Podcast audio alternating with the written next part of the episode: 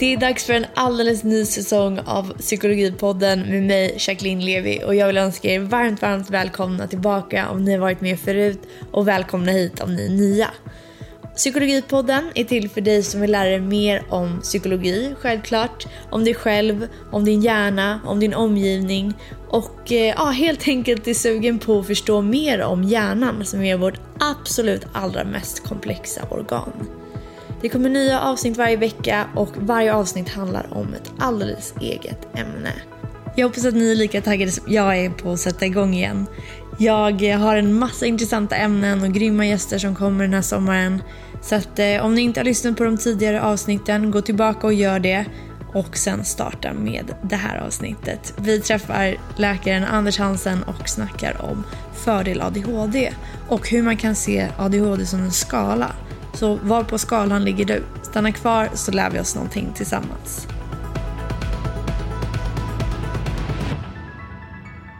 Välkommen till Psykologipodden säger vi till dagens gäst Anders Hansen. Tack. För de som inte har träffat dig tidigare, vem är du? Jag är läkare och psykiatriker och jobbar på Sofiahemmet numera. Eh, och skriver lite böcker också. Sådär. Mm. Och en av de böckerna är Fördel ADHD som är den vi ska snacka om idag. Mm. Hur kommer det sig att du skrev den boken? Ja, jag skrev den därför att jag jobbar som psykiatriker och träffar mycket patienter som har ADHD. Och jag träffar också mycket människor som tror att de har ADHD. Och det, det ville visa... Många kommer och tror att, och ställer frågan har jag ADHD? Som det finns ett hundraprocentigt svar på det. Då. De vill att jag ska säga ja det har du eller nej det har du inte. Och så ska det vara liksom hundraprocentigt säkert. Och det, det man inte, de flesta inte förstår är att ADHD är liksom en gråskala. Om man börjar med vad ADHD är så är det koncentrationssvårigheter, hyperaktivitet och impulsivitet. Det är tre symptom, som, eller tre områden man, som man ska ha problem med. Och alla människor är med, har mer eller mindre problem med koncentrationen. Alla är mer eller mindre impulsiva, alla är mer eller mindre hyperaktiva. Så, så det här är liksom en gråskala där det är ofta är svårt att dra gränsen mellan vad som är ADHD och vad som är citationstecken normala koncentrationssvårigheter. Och att den, den här svårigheten att dra gränsen har gjort att fler och fler har börjat få diagnos. Och numera så i Stockholm så är det över 10 procent av alla tonårspojkar som har diagnos numera. Så det har ökat enormt. Och jag ville skriva den här boken förklara lite grann vad ADHD är i ett evolutionärt perspektiv varför vissa människor har de här dragen och belysa att det finns fördelar förknippade med de här dragen. Med det sagt så vill jag inte på något sätt bagatellisera ADHD för ADHD kan innebära ett jättelikt lidande och det har jag sett alldeles för många exempel på. Så att, och det har också varit noga med att poängtera i böcker och intervjuer och så att det här är absolut ingen bagatellisering av ADHD utan det är ett försök att belysa en vinkel av ADHD, eller en sida av ADHD, som jag tycker har fått för lite ljus på sig, i alla fall ur ett vetenskapligt perspektiv. För det här är liksom inte vad jag tycker, utan det här är forskningen om fördelar kring ADHD. Mm. Men om vi börjar med att kolla, du sa någonting om att det är en stor gråzon. Mm. Vad menar du med det? Jag menar att det är, en, att det är svårt att dra gränsen för vad som är ADHD och vad som är normala koncentrationssvårigheter. För koncentrationssvårigheter är väldigt framträdande med vid ADHD. Sen är det naturligtvis så att de flesta medicinska diagnoser och psykiatriska diagnoser är gråzoner. Om man, om man tar en medicinsk diagnos som blodtryck så är det naturligt som har man liksom satt en gräns för vad som är högt blodtryck. Eh, och det har man gjort efter att ha studerat tiotusentals personer och sett att vilken nivå ökar risken för sjukdomar eller konsekvenser av högt blodtryck. Och sen så vid den nivån som man bestämt sig för att har man mer än det här så behandlar man. Så det är en gråskala också kan man ju säga. Skillnaden mellan psykiatriska diagnoser och blodtryck, eller för den där blodsocker och något annat, är att man kan inte mäta koncentration riktigt på det sättet. Det är i alla fall mycket mer komplicerat. Eh, och det är mer komplext att mäta impulsivitet, eller för den del depression, än att mäta någons blodsocker. Så, eh, så att eh, psykiatriska diagnoser är också gråskalor, men och depression är en gråskala, eh, bipolaritet är en gråskala också. Men, och autism är det också. Så att, men det är extra svårt vid ADHD skulle jag säga. Det är min erfarenhet som, som psykiatriker, alltså efter att ha jobbat kliniskt med det här i många år, att det är väldigt svårt att dra gränsen. Och, och, och, och, den svårigheten har bidragit till tror jag, att så många mer har fått diagnos. Det var en eller ett par procent för 20 år sedan som fick diagnos. Nu är det över 10 procent i Stockholm. I USA nationellt så är det 12 procent.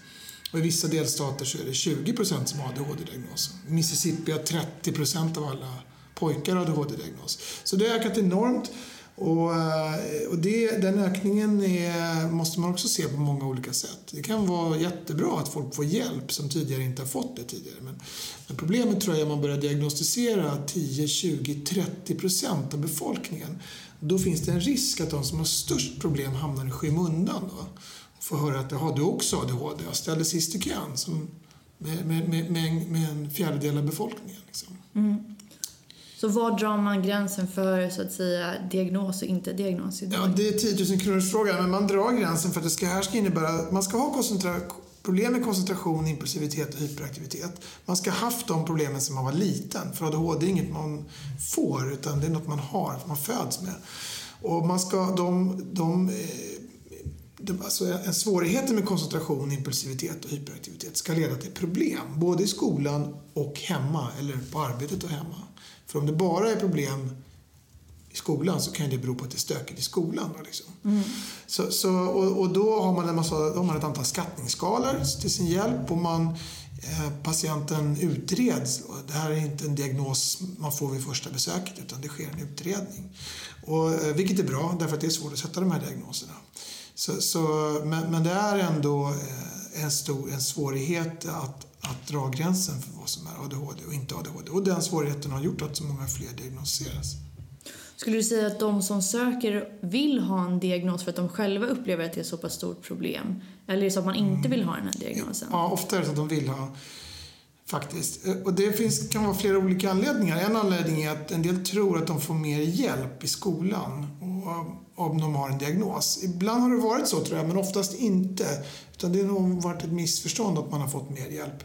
Sen så söker en del förklaringar, enkla förklaringar. Och det tror jag är eh, grundläggande mänsklig drift. Att liksom man vill kunna boxa in eh, sig själv och få liksom enkla förklaringar på komplicerade problem. Och jag tror det, vi människor har en stark drift att kategorisera vår omgivning. Vi har kategoriserat allt från vilka växter vi kan äta till vilka djur som är farliga till varandra. Vi, har liksom, vi, alltså vi kategoriserar varandra. Vi har alltid gjort det. Det har varit en överlevnadsfördel.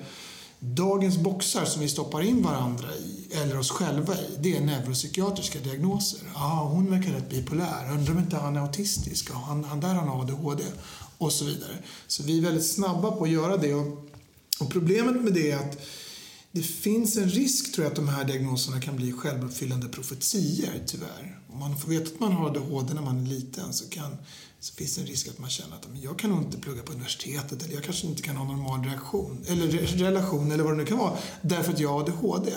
Och, och det är oerhört synd för då är de här diagnoserna skadliga. Mm. Och sen är det också så att det är inte bara så att man har drag av ADHD, för det har alla mer eller mindre. Vissa har nästan inga drag alls, andra har mycket drag. Men man har också vissa, alla bipolära drag. Vissa har nästan inga bipolära drag, väldigt jämna i humöret. Andra svänger mycket mer, har mycket bipolära drag. Och en liten grupp har så mycket drag att det är värt att sätta diagnosen bipolär sjukdom. Så att samtidigt som man har drag av ADHD så har man drag av många andra saker också. Och det här låter komplicerat och det är komplicerat därför att mänsklig natur är komplicerad. Och jag tror att det finns en i farans riktning ibland att det blir liksom falska förenklingar. Att man stoppar in sig själv i ett stereotypt fack liksom, och ser sig själv utifrån en diagnos. Då, när vi är mycket mer komplexa än så. Mm. Så, och, så, så, det är många olika, man måste se diagnostik ur många olika vinklar tror jag. Mm. Men jag tänker samtidigt för de personer som verkligen upplever problem så måste det ju vara väldigt eh, jobbigt att på något sätt antingen bli ifrågasatta mm. eller att den här diagnosen på något sätt har utvattnats lite för att det är så ja, många som får den. Precis, exakt. Och, det, och det, var, det var en viktig anledning till att jag skrev boken. Att när så många får diagnosen eh, så, så urvattnas det. Och jag hade en, en kvinna som kom och sökte hjälp. Hon var i 50-årsåldern. Eh, och hon hade så mycket ADHD så hon kokade över. Alltså det var... Jag visste det när jag skakade hand med henne. Och hon beskrev en oerhört turbulent livshistoria med fängelsedomar och varvat med ganska stora framgångar faktiskt eh, i sitt professionella liv. Missbruk och elände. Och hennes liv hade varit som en berg och när hon fick diagnos, vilket hon fick, och medicin, då kom hon tillbaka som en ny människa. Jag har aldrig sett någon liknande. Och hon grät när hon kom tillbaka och sa nu förstår jag hur det ska kännas. Och så sa hon att tänk om jag hade fått den här diagnosen och den här hjälpen när jag var 12-13. Då hade mitt liv sett annorlunda ut. Och det kunde, jag kunde bara hålla med om det. Det hade verkligen gjort det. Liksom. Så att rätt personer så kan de här diagnoserna vara fullständigt livsavgörande. Men det är viktigt att det är rätt personer. Och att inte man diagnostiserar 20-30 procent av befolkningen. För då kommer de som är som hon och får höra att du också ADHD. Ställer sig starkare. Liksom. Mm. Så det var en anledning till att skriva den här boken. Att liksom förklara att de här dragen finns, de är normala, de har varit jätteviktiga för oss människor historiskt. De har inneburit fördelar och de gör också det, för vissa fördelar idag. Försök att titta lite grann på positiva sidan av myntet innan du tänker mediciner och diagnoser. Mm. Om du har väldigt stora problem till följd av det här, då ska du absolut söka hjälp och, och utredas. Men annars så kan man, tror jag, lite grann vila på hanen då, för att antalet som söker för de här diagnoserna har verkligen exploderat de sista åren. Mm. Ja, jag tänker att alltså, de psykiatriska diagnoserna i viss mån är ju kulturellt bundna. Så till exempel vissa människor i en annan kultur än den svenska skulle kanske tillbe högre makter och ha någon jättehög tilltro till en trästam eller vad det nu kan vara. Medan här skulle det anses vara avvikande. Precis, jag menar, emotionell instabilitet är säkert en sak i Finland och en i, annan sak i södra Italien. Liksom. Mm, mm, ja, exakt. Nej, men då tänker jag att om nu liksom 20-30 procent typ upplever de här symptomen eller nej, vad sa du? Ja, det, det, 20-30 procent diagnostiseras i vissa amerikanska delstater. Okay. Så, men det, nog, det, kan nog vara fler än så som upplever att de ibland har problem med koncentrationen. Det tror jag alla kan ha. Ja, jag tänker att om, för det som utmärker så att säga, psykiatriska diagnoser är att det avviker från det normala, att det uppstår ett problem. Precis. Så då känns det som att det blir ännu svårare för att om nu 30 procent upplever mm. någonting, 30 procent är ganska mycket, Alltså då är det som att det, då är det ju verkligen normalt att ha de här svårigheterna. Ja, så är det ju. Och, och sen så är det ju så, jag menar, om det är svårigheter så är det svårigheter. Då spelar det ingen roll hur många som har dem. Så, eh, man, kan, man måste också se ADHD ur perspektivet vilka krav ställer samhället på vår koncentration. Då. Koncentrationssvårigheter är, är ju det viktigaste symptomet. Och för hundra år sedan kanske man kunde ha jobb på någon gård eller något som inte krävde så mycket tankemässiga Eh, förmågor. Men den typen av jobb har ju försvunnit. De har vi rationaliserat bort i dagens samhälle.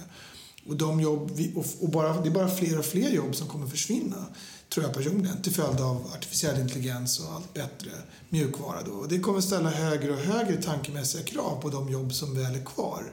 Och då kommer fler och fler ställa sig frågan, ja men jag hittar inget. Har jag en diagnos då? Därför att det är så man ställer sig den frågan. Jag hittar inte någonting det ställer man sig i perspektivet psykiatriska diagnoser 2018. Då. Man kanske hade frågat något annat för hundra år sedan.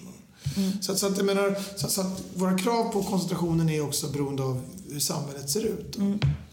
Ja, och det i kombination med att samhället i mångt och mycket föder koncentrationssvårigheter. Exakt, precis. Så den kombi, kombon är ju svår för alla människor och extra svår kan man tänka sig med de som har de här svårigheterna. Exakt. Och om man tar en sån sak som man vet att alla människors koncentration förbättras av fysisk aktivitet. Man blir mer koncentrerad när man rör på sig. Men de med ADHD tycks ha de som har ADHD eller mycket drag av ADHD, de får extra fin eh, effekt på koncentrationen av fysisk aktivitet. Barn med ADHD som är fysiskt aktiva innan skolan i 30 minuter kan minska dosen på sina ADHD-läkemedel. De kan inte ta bort läkemedlen, men de kan minska dosen. Och, och, det är också ett sätt att om man har en hel del av de här problemen, börja med att se till att vara fysiskt aktiv varje dag på något sätt. Helst på förmiddagen så att det kan spilla över på så stor del av arbetsdagen som möjligt. Så det är en grej. Och det är också så att mobilen har en fantastisk förmåga att dra sig till vår uppmärksamhet och kanske gäller det särskilt de som har ADHD. Och det driver, den tycks också driva en, eh, en det gör oss distraherade och okoncentrerade. Mm. Och det är också ett sätt att liksom börja med att plocka bort den under mm. ett par timmar, i alla fall skoldagen eller arbetsdagen, liksom, så att du inte störs av det. Börja med att göra de grejerna innan du ens funderar tanken på diagnoser och mediciner, tycker jag själv. Mm. Mm. Jag förstår att det är lättare sagt än gjort att, att säga till en 12-åring att nu ska du plocka bort mobilen. Det är liksom som att och, och, eh, säga att nu ska du plocka bort din arm. Liksom den är ju, de är ju så beroendeframkallande. Det är så det ser ut. Liksom. Mm. Så jag förstår att det är svårt, men jag tror ändå du måste ha den utgångspunkten. Mm. Ja, jag håller verkligen med. Ehm, men jag läste en grej i den här boken då, alltså Fördel ADHD, som jag tyckte var väldigt intressant som kopplar tillbaka till det du sa om att förr i tiden så levde vi på ett helt annat sätt. Mm. Kan inte du, jag tror jag har till och med strukit under det där, mm. läsa det? För jag tycker det är så himla talande för ja, hur det ser ut. Ja, exakt. Och, och, om man tänker sig att vi människor började liksom våran bana, vilket vi som moderna Homo sapiens för 200-300 000 år sedan i östra Afrika där vi var en av åtminstone sex andra människostammar. För det fanns flera andra människostammar som levde samtidigt. Eh, eh, neandertalarna var en av dem och så vidare. Och, då fanns det eh, ungefär 100 000 Homo sapiens och därefter så har vi liksom lämnat Afrika och koloniserat hela planeten. Och om man tänker sig alla generationer Homo sapiens, alltså människor som har funnits, så, så skulle det vara någonstans mellan 50 000 eh, generationer. Om man tänker sig de, fem, eh, man tänker sig de eh, generationerna som en person, så varje människogeneration som har funnits är en person. Då är hela människans historia 50 000 personer, give or take. Det är en medelstor svensk stad. Då. Av de 50 000 personerna så har 49 500 levt som jägare och samlare. Och, och, och, och därefter så var eh, 490 av dem var jordbrukare. Och 10 stycken var lev, har levt i en industrialiserad värld. Och 3-4 har levt i en digitaliserad värld. Det är vi. Och det är vi, precis. Och det är liksom de proportionerna som gäller. Så i en stad som är 50 000 personer de 50 000 människor, personerna är alla människor, alla generationer som har levt. Så är det bara 10 stycken som har levt i en värld med elektricitet och bilar. Och tre, fyra som har levt i en värld, 3 kanske med internet. Och det är det man måste ha klart för sig, att vi är utvecklade för något annat. Det är, evolutionen tar lång tid på sig innan det sker stora förändringar med arter. Det tar tiotusentals år, eller hundratusentals år. Och det gäller också oss människor. Vi har inte förändrats på vare sig 10 eller 20 000 år. Om vi kunde åka tidsmaskin, brukar jag säga jämt att 10 000 år tillbaka i tiden, då skulle vi träffa människor som var som oss. De hade naturligtvis ett annat språk än vad vi har och de hade helt andra erfarenheter än vad vi har. Men de hade samma hjärnor som vi har, samma mentala förutsättningar som vi har. Mm.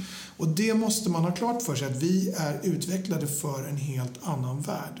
Vi kan inte tänka oss det idag, men, men så är det. Och det har format vårt psyke, våra tankemässiga förmågor. Det, det, det påverkar oss alltid i termer av hur vi umgås med varandra, främlingsfientlighet, andra psykiatriska diagnoser, eh, missbruk och så vidare. Allt det här finns det liksom en, eh, evolutionära, tr troliga ska jag säga, evolutionära förklaringar till. För det är svårt att bevisa ofta. Men det är oerhört fascinerande. Eh, det här perspektivet är fascinerande och intressant och, och allt för många glömmer det. Liksom. Mm. Ja, det är svårt att ens föreställa sig det. Men jag tycker det blir lite lättare med ditt exempel för då kan man ändå rada upp så här många, så här få är vi som har levt i den här tiden. Ja, exakt. Jag tycker man skulle kunna tänka sig som om man tänker sig Stockholms stadion på en konsert, liksom, det är väl 30-40 000 personer. Om man tänker sig en proppfull Stockholms stadion med alla människor, det är mänskligheten. Så sitter det tre personer i hörnet där. Det är de som har levt, eh, eh, som har varit, levt i en digitaliserad värld. Mm. Och då har varje person inne på stadion format människan lika mycket så att säga. Mm. Då förstår man de proportionerna. Vi, är, vi lever i en extremt märklig värld. Och jag pratade med Richard Dawkins som är författare och evolutionspsykolog och som sa att det är egentligen konstigt att vi inte har mer psykisk ohälsa med tanke på att vi befinner oss i en så vansinnigt främmande värld. Mm. Så det är ett intressant sätt att se det. Ja, verkligen. När vi nu ändå inne på det här evolutionära perspektivet på mänskligheten. Vad finns det för evolutionär bakgrund till ADHD? Ja, eh, om man... Det man tror är att under vår tid som jägare och samlare, den överlägset längsta under av människans historia, så har det varit viktigt att ha folk i stammen som har haft någon slags eh, varit skannat av omgivningen hela tiden. Finns det något viktigt där, där, där, där, där? Hela tiden rastlöst skannat vidare och som också agerar impulsivt på det de noterar. Det är de personerna som såg att det där prasslet i busken var en kanin man kunde käka eller att det var ett lejon som kunde äta upp en. Så det, det är nog en, den typen av förmågan att fatta omedelbara beslut, hela tiden rastlöst leta sig vidare, har varit viktig. Också så är det ju så att vi har haft underskott på kalorier under nästan hela vår utveckling här på jorden. Och det har varit viktigt att ha folk som explorerar, hela tiden söker av eh, efter ny mat. Liksom. För det som de hittar kan alla ta, få till godo av så att säga. Så att, eh, jag brukar jämföra med att tänka att du har att du gömmer godis i ett rum och så stoppar du in tio ungar där och så ser du hur lång tid det tar innan godiset är hittat. Om alla är lugna och städade så tar det förmodligen ganska lång tid men om de är hyperaktiva och rusar runt så går det förmodligen snabbare innan de hittar det. Så att, att ha den här typen av um, rastlöshet och, och, och, stark energi och koncentrationssvårigheter det har nog varit viktigt i en värld där det har varit ont om mat och fullt av faror. Liksom. Mm, så det har verkligen fyllt en funktion kan man säga? Ja, förmodligen är det så. Och, det, och sen kan man ju det, det, här, man kan ju spekulera kring sånt här. Man kan ju spekulera och komma fram till nästan vad som helst om man, ur ett evolutionärt perspektiv. Men det finns en del faktiskt spännande genetiskt stöd för att, det, att ADHD kan ha varit en fördel evolutionärt. Och ett, ett sånt är att det finns en gen som är kopplad till ADHD. ADHD beror inte på en gen, det beror på många gener. Men en av dem som återkommer efter undersökningar, eller i många undersökningar, den är kopplad till ett ämne som heter dopamin. Och och den här genen finns i en viss variant och som jag slarvigt kallar för ADHD-genen trots att ADHD inte orsakas av en enda gen. Men det man vet är att den här citationstecken ADHD-genen den finns hos ungefär 20 procent av befolkningen världen över. Och när man har studerat en stammar i Afrika så har man kunnat se att de stammedlemmar som har genen i den här ADHD-formen så att säga, de är mer välnärda. De tycks ha lättare att hitta mat. Och att de är väl, mer välnärda betyder inte att de sitter och äter godis, utan, för de har BMI runt 17 i snitt, så de är normalt undernärda. Utan det tycks bero på att de har lättare att hitta mat. Sen har man studerat ett antal stammar i Afrika som lever som jordbrukare, det som vi gjorde efter att vi var jägare och samlare. Och där ser man att de som har genen i den här ADHD-varianten är mer undernärda. Det tycks vara svårare att hitta mat.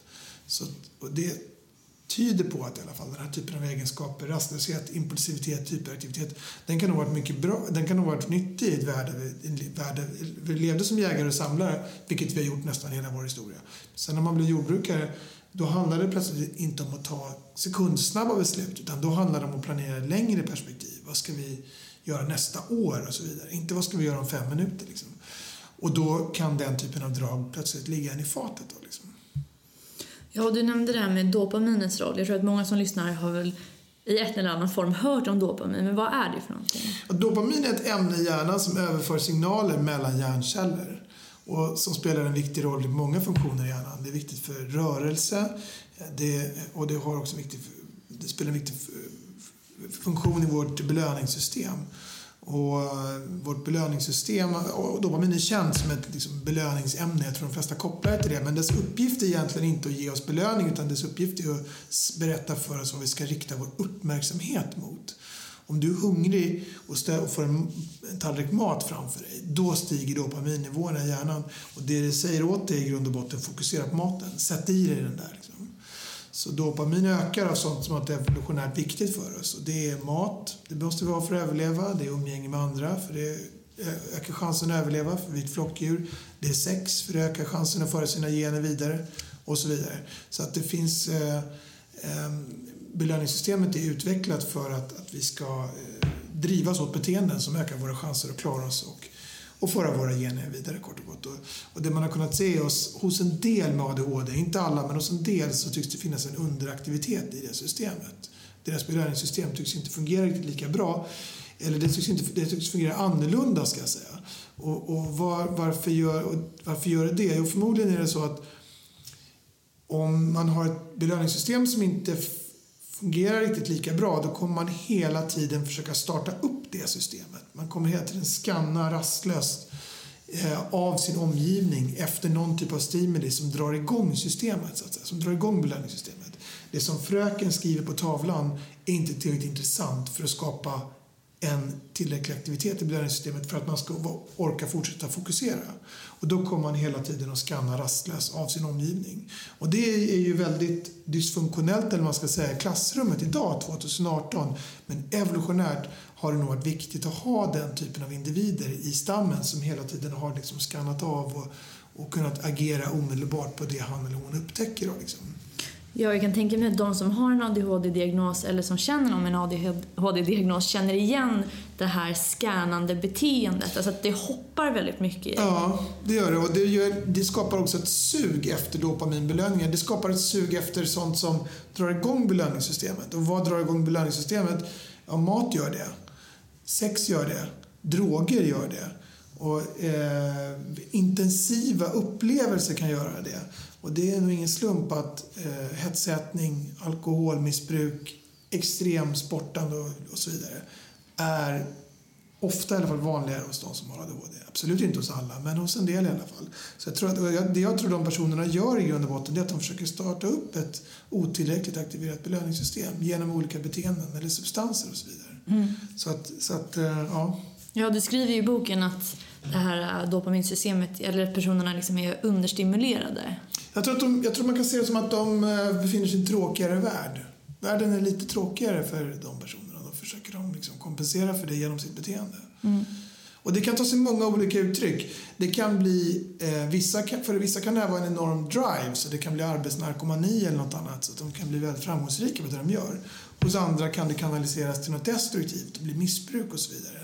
Så att samma grundläggande biologiska mekanism kan nog ta sig olika, eller tar sig nog olika uttryck beroende på omständigheter man är med om i livet och andra mentala egenskaper man har. Liksom. Mm. Om vi ska testa att fokusera lite på de här med fördelarna. För att jag tror att många som lyssnar som kanske har fått den här diagnosen har fått en självbild som är väldigt präglad på ett negativt sätt av att ha den här diagnosen. Mm. Vad finns det för fördelar? Ja, många med ADHD, inte alla, men många är mer kreativa. Det har man kunnat se i kreativitetstester att personer med ADHD och barn med ADHD presterar bättre faktiskt. Så det är en sån fördel. Sen har många en förmåga, många har väldigt stark energi och, och liksom ett driv att hela tiden gå vidare. Eh, jag skulle säga att många har också en förmåga att liksom tänka, de ser hela bilden på ett bra sätt. De borrar inte ner sig för mycket i detaljer. Och, och så har jag också sett som bland patienter en, liksom en oräddhet. En, en, man går vidare, prövar nya saker, vill, något, vill hela tiden något nytt. Liksom. Mm. Som kan vara både positiv och negativ naturligtvis. Så det finns många sådana här drag. Sen är det viktigt att generalisera att alla som har ADHD har inte alla de här fördelarna. För vissa så är det bara nackdelar. Men förvånansvärt många har fördelar som är oupptäckta. Därför att de här ADHD har ofta, eller personer med ADHD, eller mycket drag av det, har passar, passar ofta dåligt in i skolan. Och problemet då är att om man, blir, om man presterar dåligt första gången man möts, jämförs med andra människor i livet så kommer man ha riskerar att få dåligt självförtroende. Det har jag sett många exempel på.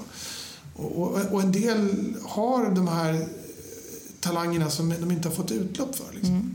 Men om man nu är en person som har de här svårigheterna men vill hitta fördelarna, hur kan man optimera sin omgivning och sitt vardagliga liv för att kunna få utnyttja ja, de här starka sidorna som man har? I grund och botten så tror jag man ska lära sig mer om ADHD och vad det är. Och, jag tror, och, och det är väldigt viktigt att poängtera att alla med ADHD är olika, precis som att alla människor är olika.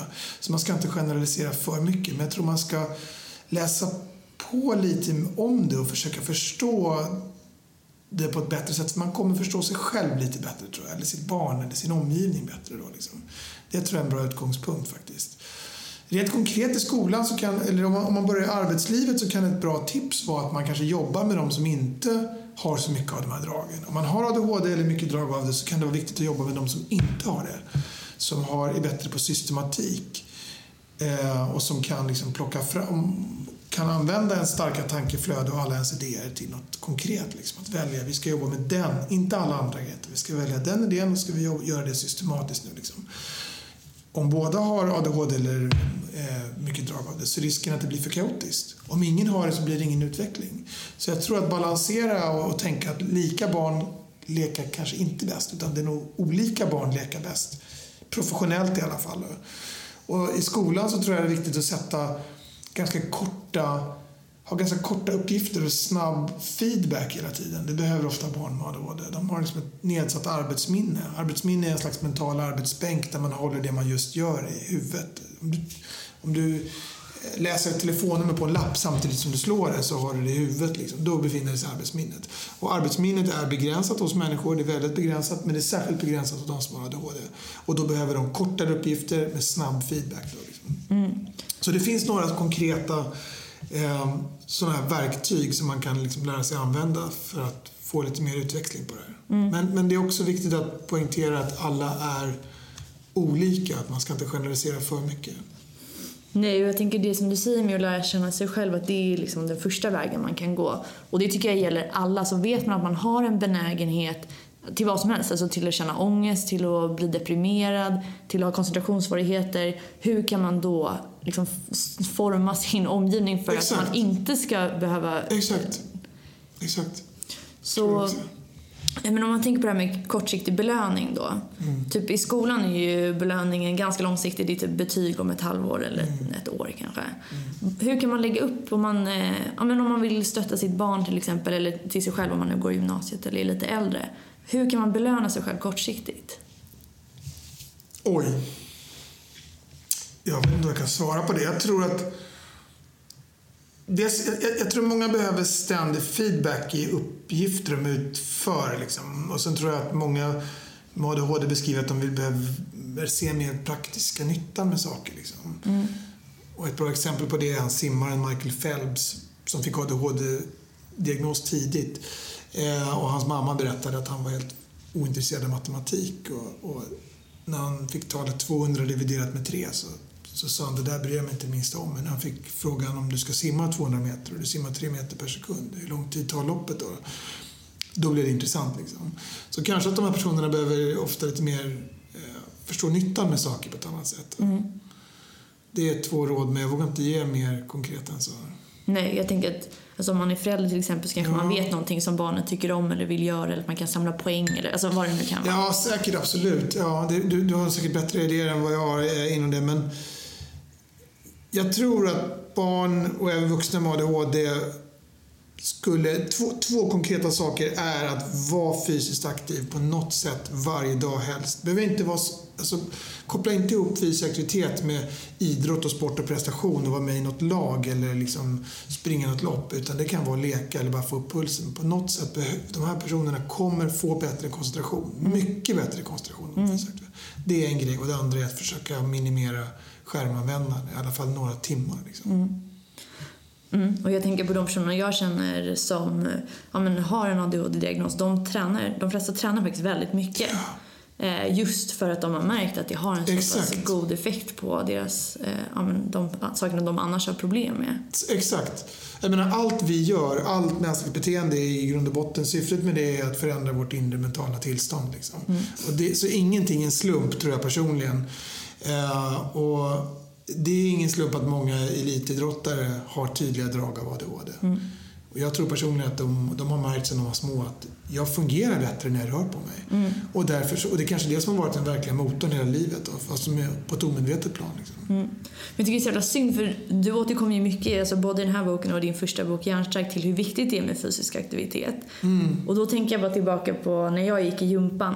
Det här skulle kunna vara ett helt eget avsnitt, men då så satte de betyg på hur snabbt du sprang en viss sträcka. Så det var typ, springer du tre kilometer på under 12 minuter, då får du MVG. Skriver, springer du under... Det är synd alltså. Alltså det var ju det snabbaste sättet att döda, alltså jag vet inte hur många skador jag fejkade för att slippa. Mm. Alltså då tar du ju bort all typ av eh, om man inte nu är så superduktig på det. Mm. Um, och jag tänkte på det, så varför, nu kommer jag avvika lite från ämnet, men varför får man ens betyg i gymnastik? Jag håller med dig.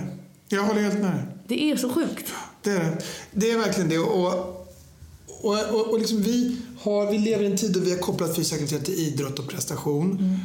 Vi behöver inte ta ett steg för att överleva. Vi kan väl ställa maten till dörren, men det är vi inte utvecklade för. Om vi tänker oss den här liknelsen med alla män, hela mänskligheten som sitter på Stockholms stadion, mm. så behövde alla utom tre, fyra var fysiskt aktiva för att överleva. Mm. De som inte var det dog. De hittade ingen mat. Mm. Och det är det hjärnan har utvecklats för. Mm. Och det var när våra förfäder var fysiskt aktiva som de såg nya miljöer, upplevde nya händelser. Och det är därför minnet stärks av fysisk aktivitet. Mm. Det är därför förmodligen som man lär sig 20% fler glosor om man hör orden när man går jämfört med när man sitter ner. Mm. Så hjärnan har utvecklats på ett sådant sätt att den stärks av fysisk aktivitet för att det var när våra förfäder var fysiskt aktiva som de behövde minnas som mest. Det var då de behövde vara koncentrerade.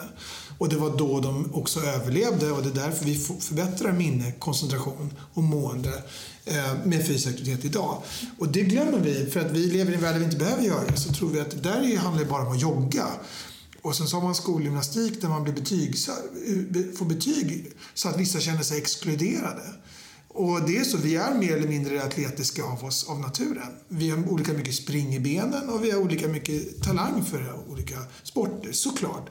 Men, men om, man, om man då redan i unga år kopplar det till liksom prestation och betyg och annat, då kommer ju de som inte är så bra på det tycka att det här är pest. Mm. Och så säger de, det här väljer jag bort. För det kan vi välja bort idag. Mm. Men om vi väljer bort det så kommer vi inte funka och må så bra som, som vi skulle kunna göra. Det är därför det är så synd. Det så jag tror absolut på att man ska inte ha betyg i skolidrott. Man ska koppla, ta bort, ta bort all association till tävling, prestation. Eh, de som vill tävla ska såklart få göra det. Men för alla andra så är det jätteviktigt att den här inte blir associerat med något som är negativt och ångestfyllt. Mm. Nej, jag håller helt med. Jag ska föra oss tillbaka för det var jag som förde oss iväg här. Det var ett stickspår, men jag gillar det stickspåret. Nej, men eh, jo, man pratar ju om ja, men det här med koncentration. Eh, och då finns det ju så hyperfokus som man talar om, eh, bland annat vid ADHD. Mm. Vad är det för något? Ja, hyperfokus tycks vara är ett tillstånd att man är, är extremt fokuserad på det man just gör. Och, och det är vanligare hos, ska sägas, de, hos personer med ADHD, eller mycket av ADHD. Det var tidigare har det varit ett krav för, att för diagnos, om jag inte minns fel. Det är inte det längre, men det har varit det. Um, det tros bero på egentligen en oförmåga att rikta sitt fokus från det man gör till något annat. Om man, om man tänker sig att Många med ADHD har en underaktivitet i hjärnans belöningssystem. Då, så om de väl hittar något som skapar tillräcklig aktivitet i det systemet, till exempel ett dataspel, då blir de helt låsta vid det. För när mamma och pappa sen kommer in i rummet och säger nu ska vi gå och äta, då skapar inte mamma och pappa tillräcklig aktivitet i systemet för att de ska flytta sitt fokus. Mm. Och då blir de liksom, slutresultatet blir att de blir som fast i spelet.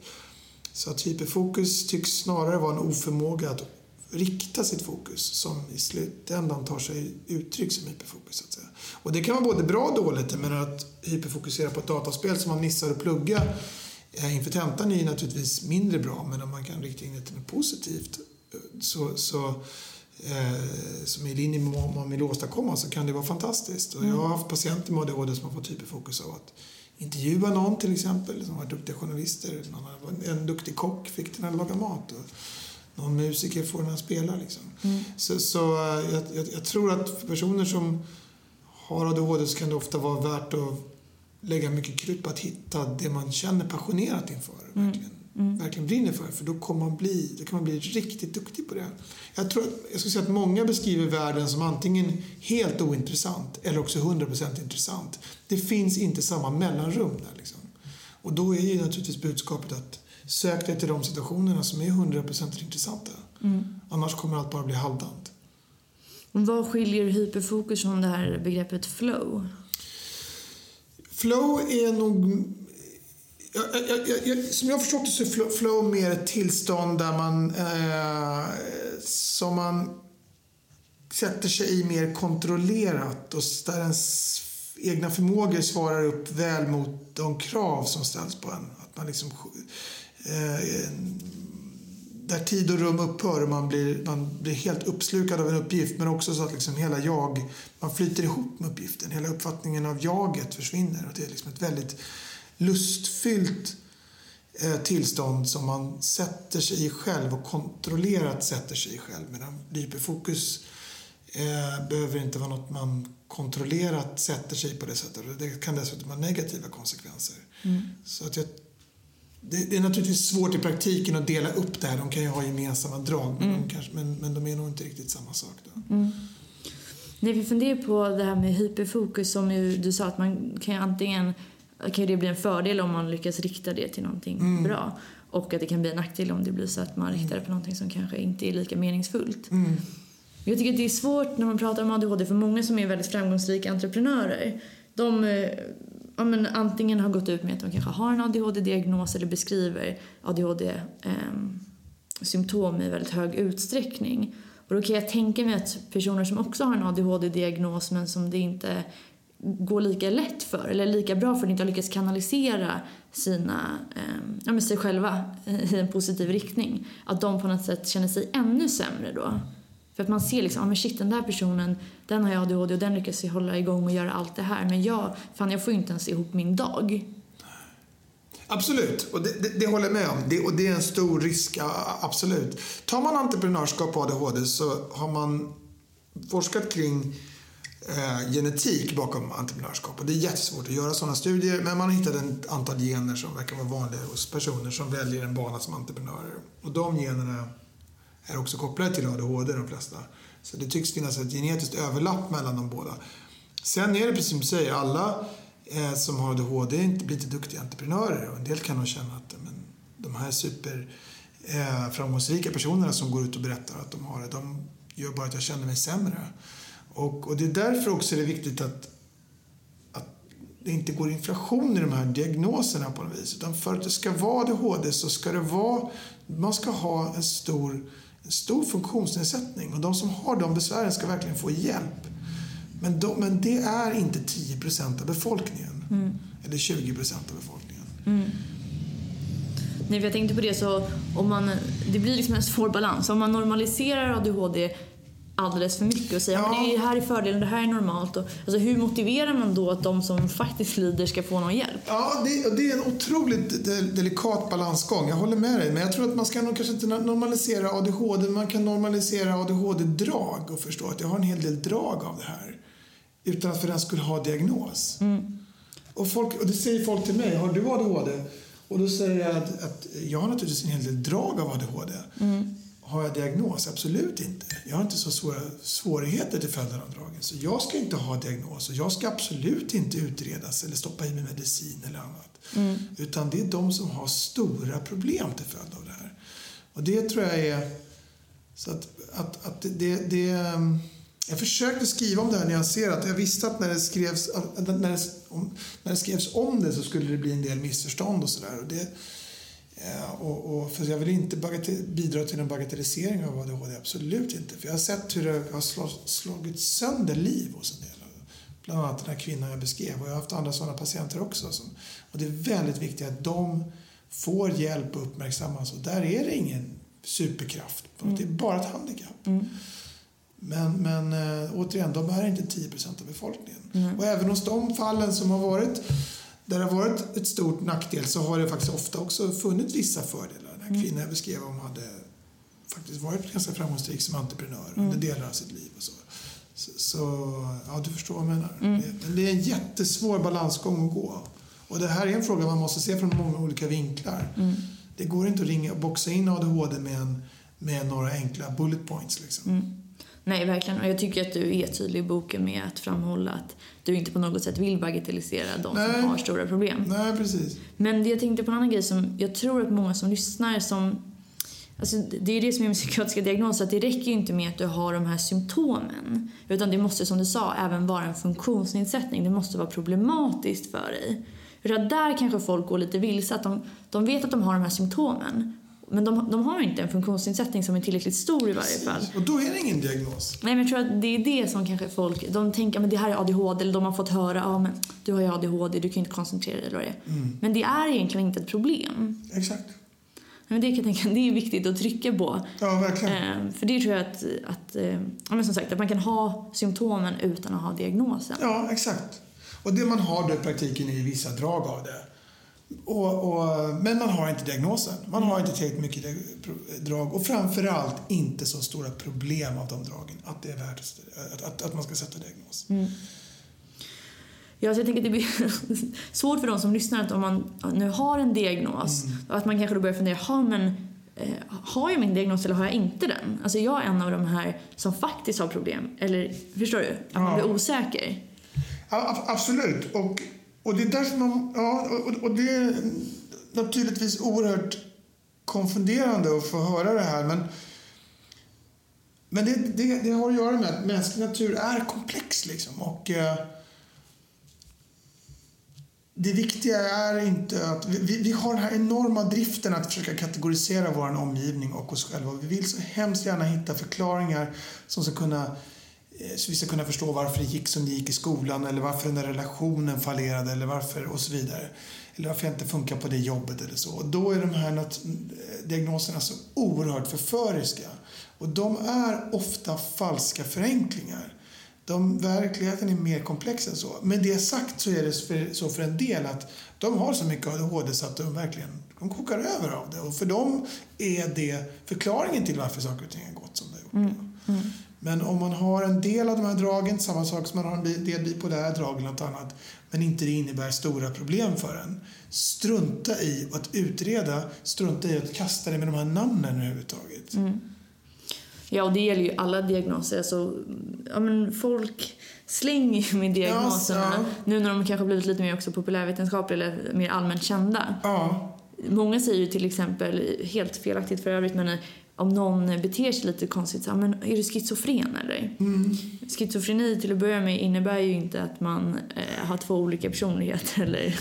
Precis, absolut inte. Exakt. Och, och, och, det är synd, för då, då bagatelliserar man det. Sen och, och, samtidigt, å andra sidan, att folk pratar om de här diagnoserna och har en annan öppenhet kring psykiska besvär, det är också positivt för det tar bort stigma. Och hjärnan kan bli sjuk som alla andra organ. Hjärtat mm. kan bli sjukt och lungorna, levern och njurarna och you name it. Och naturligtvis kan även hjärnan vara det. Mm. Och det har inte att göra med att man är en dålig person att allt fler söker hjälp för sådana saker är bra för att det betyder att stigmat försvinner. Men risken är också att det urvattnas för att mm. det blir, folk söker för vad som helst. Liksom. Mm. Men det är ju å andra sidan mitt och ditt jobb att träffa folk och säga det att du har vissa depressiva besvär men det är ingen djup depression så du ska inte ha medicin. Mm. Eller du har vissa drag av ADHD men inte så mycket så du ska ha diagnos. Och så mm. vidare. Du har, du ska faktiskt ha det här. Och så vidare. Det är vårt jobb. Mm. Liksom. Um, men jag minns bara för när jag gick gymnasiet för ja, nu är det drygt 20 år sedan, herregud vad tiden går, men att söka, eh, ha kontakt med psykiatrin då, det innebar att då såg folk att man var psykiskt sjuk mm. liksom, och såg ett liv på institution då, i princip. Mm. Den associationen hade folk. Sen försvann gudskelov det stigmat och nu så pratar man om det här på ett annat sätt. Det är toppen, mm. därför att det har gjort att fler söker hjälp och det räddar människoliv. Liksom. Mm. Så är det. Så att, eh, det. Man måste se också det här från flera vinklar. Ja, alltså det är ju sjukt komplext. Det är verkligen det. Absolut. Ja.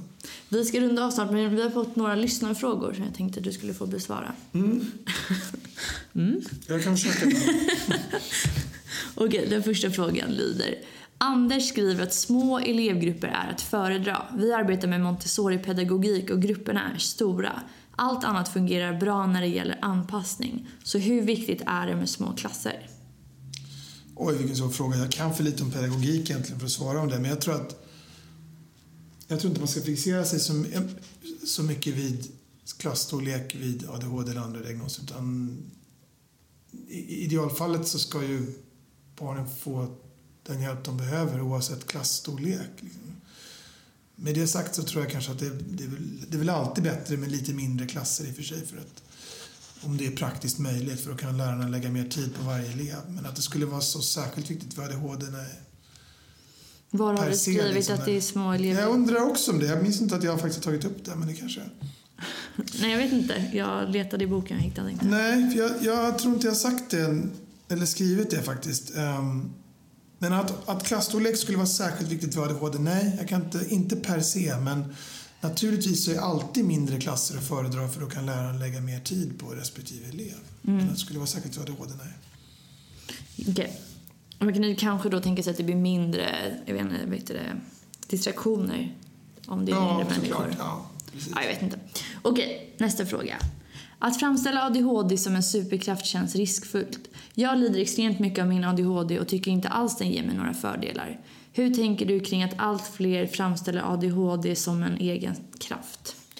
Nej, men det, är, det är en jättebra fråga och det är precis det som jag sagt att jag framställer absolut inte ADHD som bara en superkraft. Mm. Tvärtom. Jag förstår att, och inser att det är ett jättelikt lidande så att jag vill inte bagatellisera på något sätt.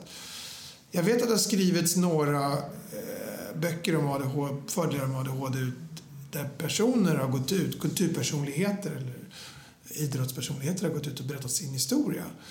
Och det är säkert bra, eh, det hjälper säkert någon, men den här, jag ville beskriva det här mer ett forskningsperspektiv Mm. och se vad, vad vetenskapen ändå säger om det här. Jag tyckte jag var noga med att poängtera att det, att det, att det innebär i grund och botten ett lidande och att det är viktigt att de personerna som verkligen har störst besvär får hjälp. Mm. Och det kommer de inte att få i en värld där 10-20% får diagnos. Mm. Man kan säga, vad spelar det för roll om 20% har diagnos? Då kan ju alla de få hjälp. Ja, i en perfekt värld skulle de få det, men så ser inte världen ut. Nej. De kommer inte att få det. Liksom. Nej, verkligen. Jag tycker att det är skitviktigt. Alltså, För det första så, alltså, att man har fördel av någonting utesluter ju inte att man har nackdelar av någonting. Nej, verkligen. Exakt. Så är det också. Man måste kunna hålla två saker i huvudet också. Att, Mm. att, det, man kan, att det, det, det är inte svart eller vitt. Liksom. Nej, och så här, de här personerna har nog oftast vuxit upp och fått mer, ja men från omgivningen i alla fall, fått mer negativ uppmärksamhet på grund av sina ADHD-symptom. Och då har man kanske inte ens lagt märke till de här fördelarna som finns. Så att bara genom att förstå att det finns fördelar, det här är det vi letar efter. Precis. Det är ju skitbra. Ja, jag tror det. Jag hoppas i alla fall att någon ska förstå att men, jag, jag kanske har den här kreativa ådran då, som många med ADHD har. Inte alla, men en del i alla fall. Jag kanske ska försöka se om jag kan göra något av det. Liksom. Mm. Och den kanske har missats hittills. Jag håller med. Ja, men tack så jättemycket för att du ville komma hit. Ja, tack. Kul att få vara med igen. Yes. Ni hittar Anders bok typ överallt, eller? Ja, det finns många ställen i alla fall. Fördel ADHD heter det i alla fall. Och eh, ni får jättegärna höra av er. Instagram, psykologipodden eller på psykologipodden hotmail.com. Vi hörs igen nästa vecka. Ha det bra allihopa. Hej då!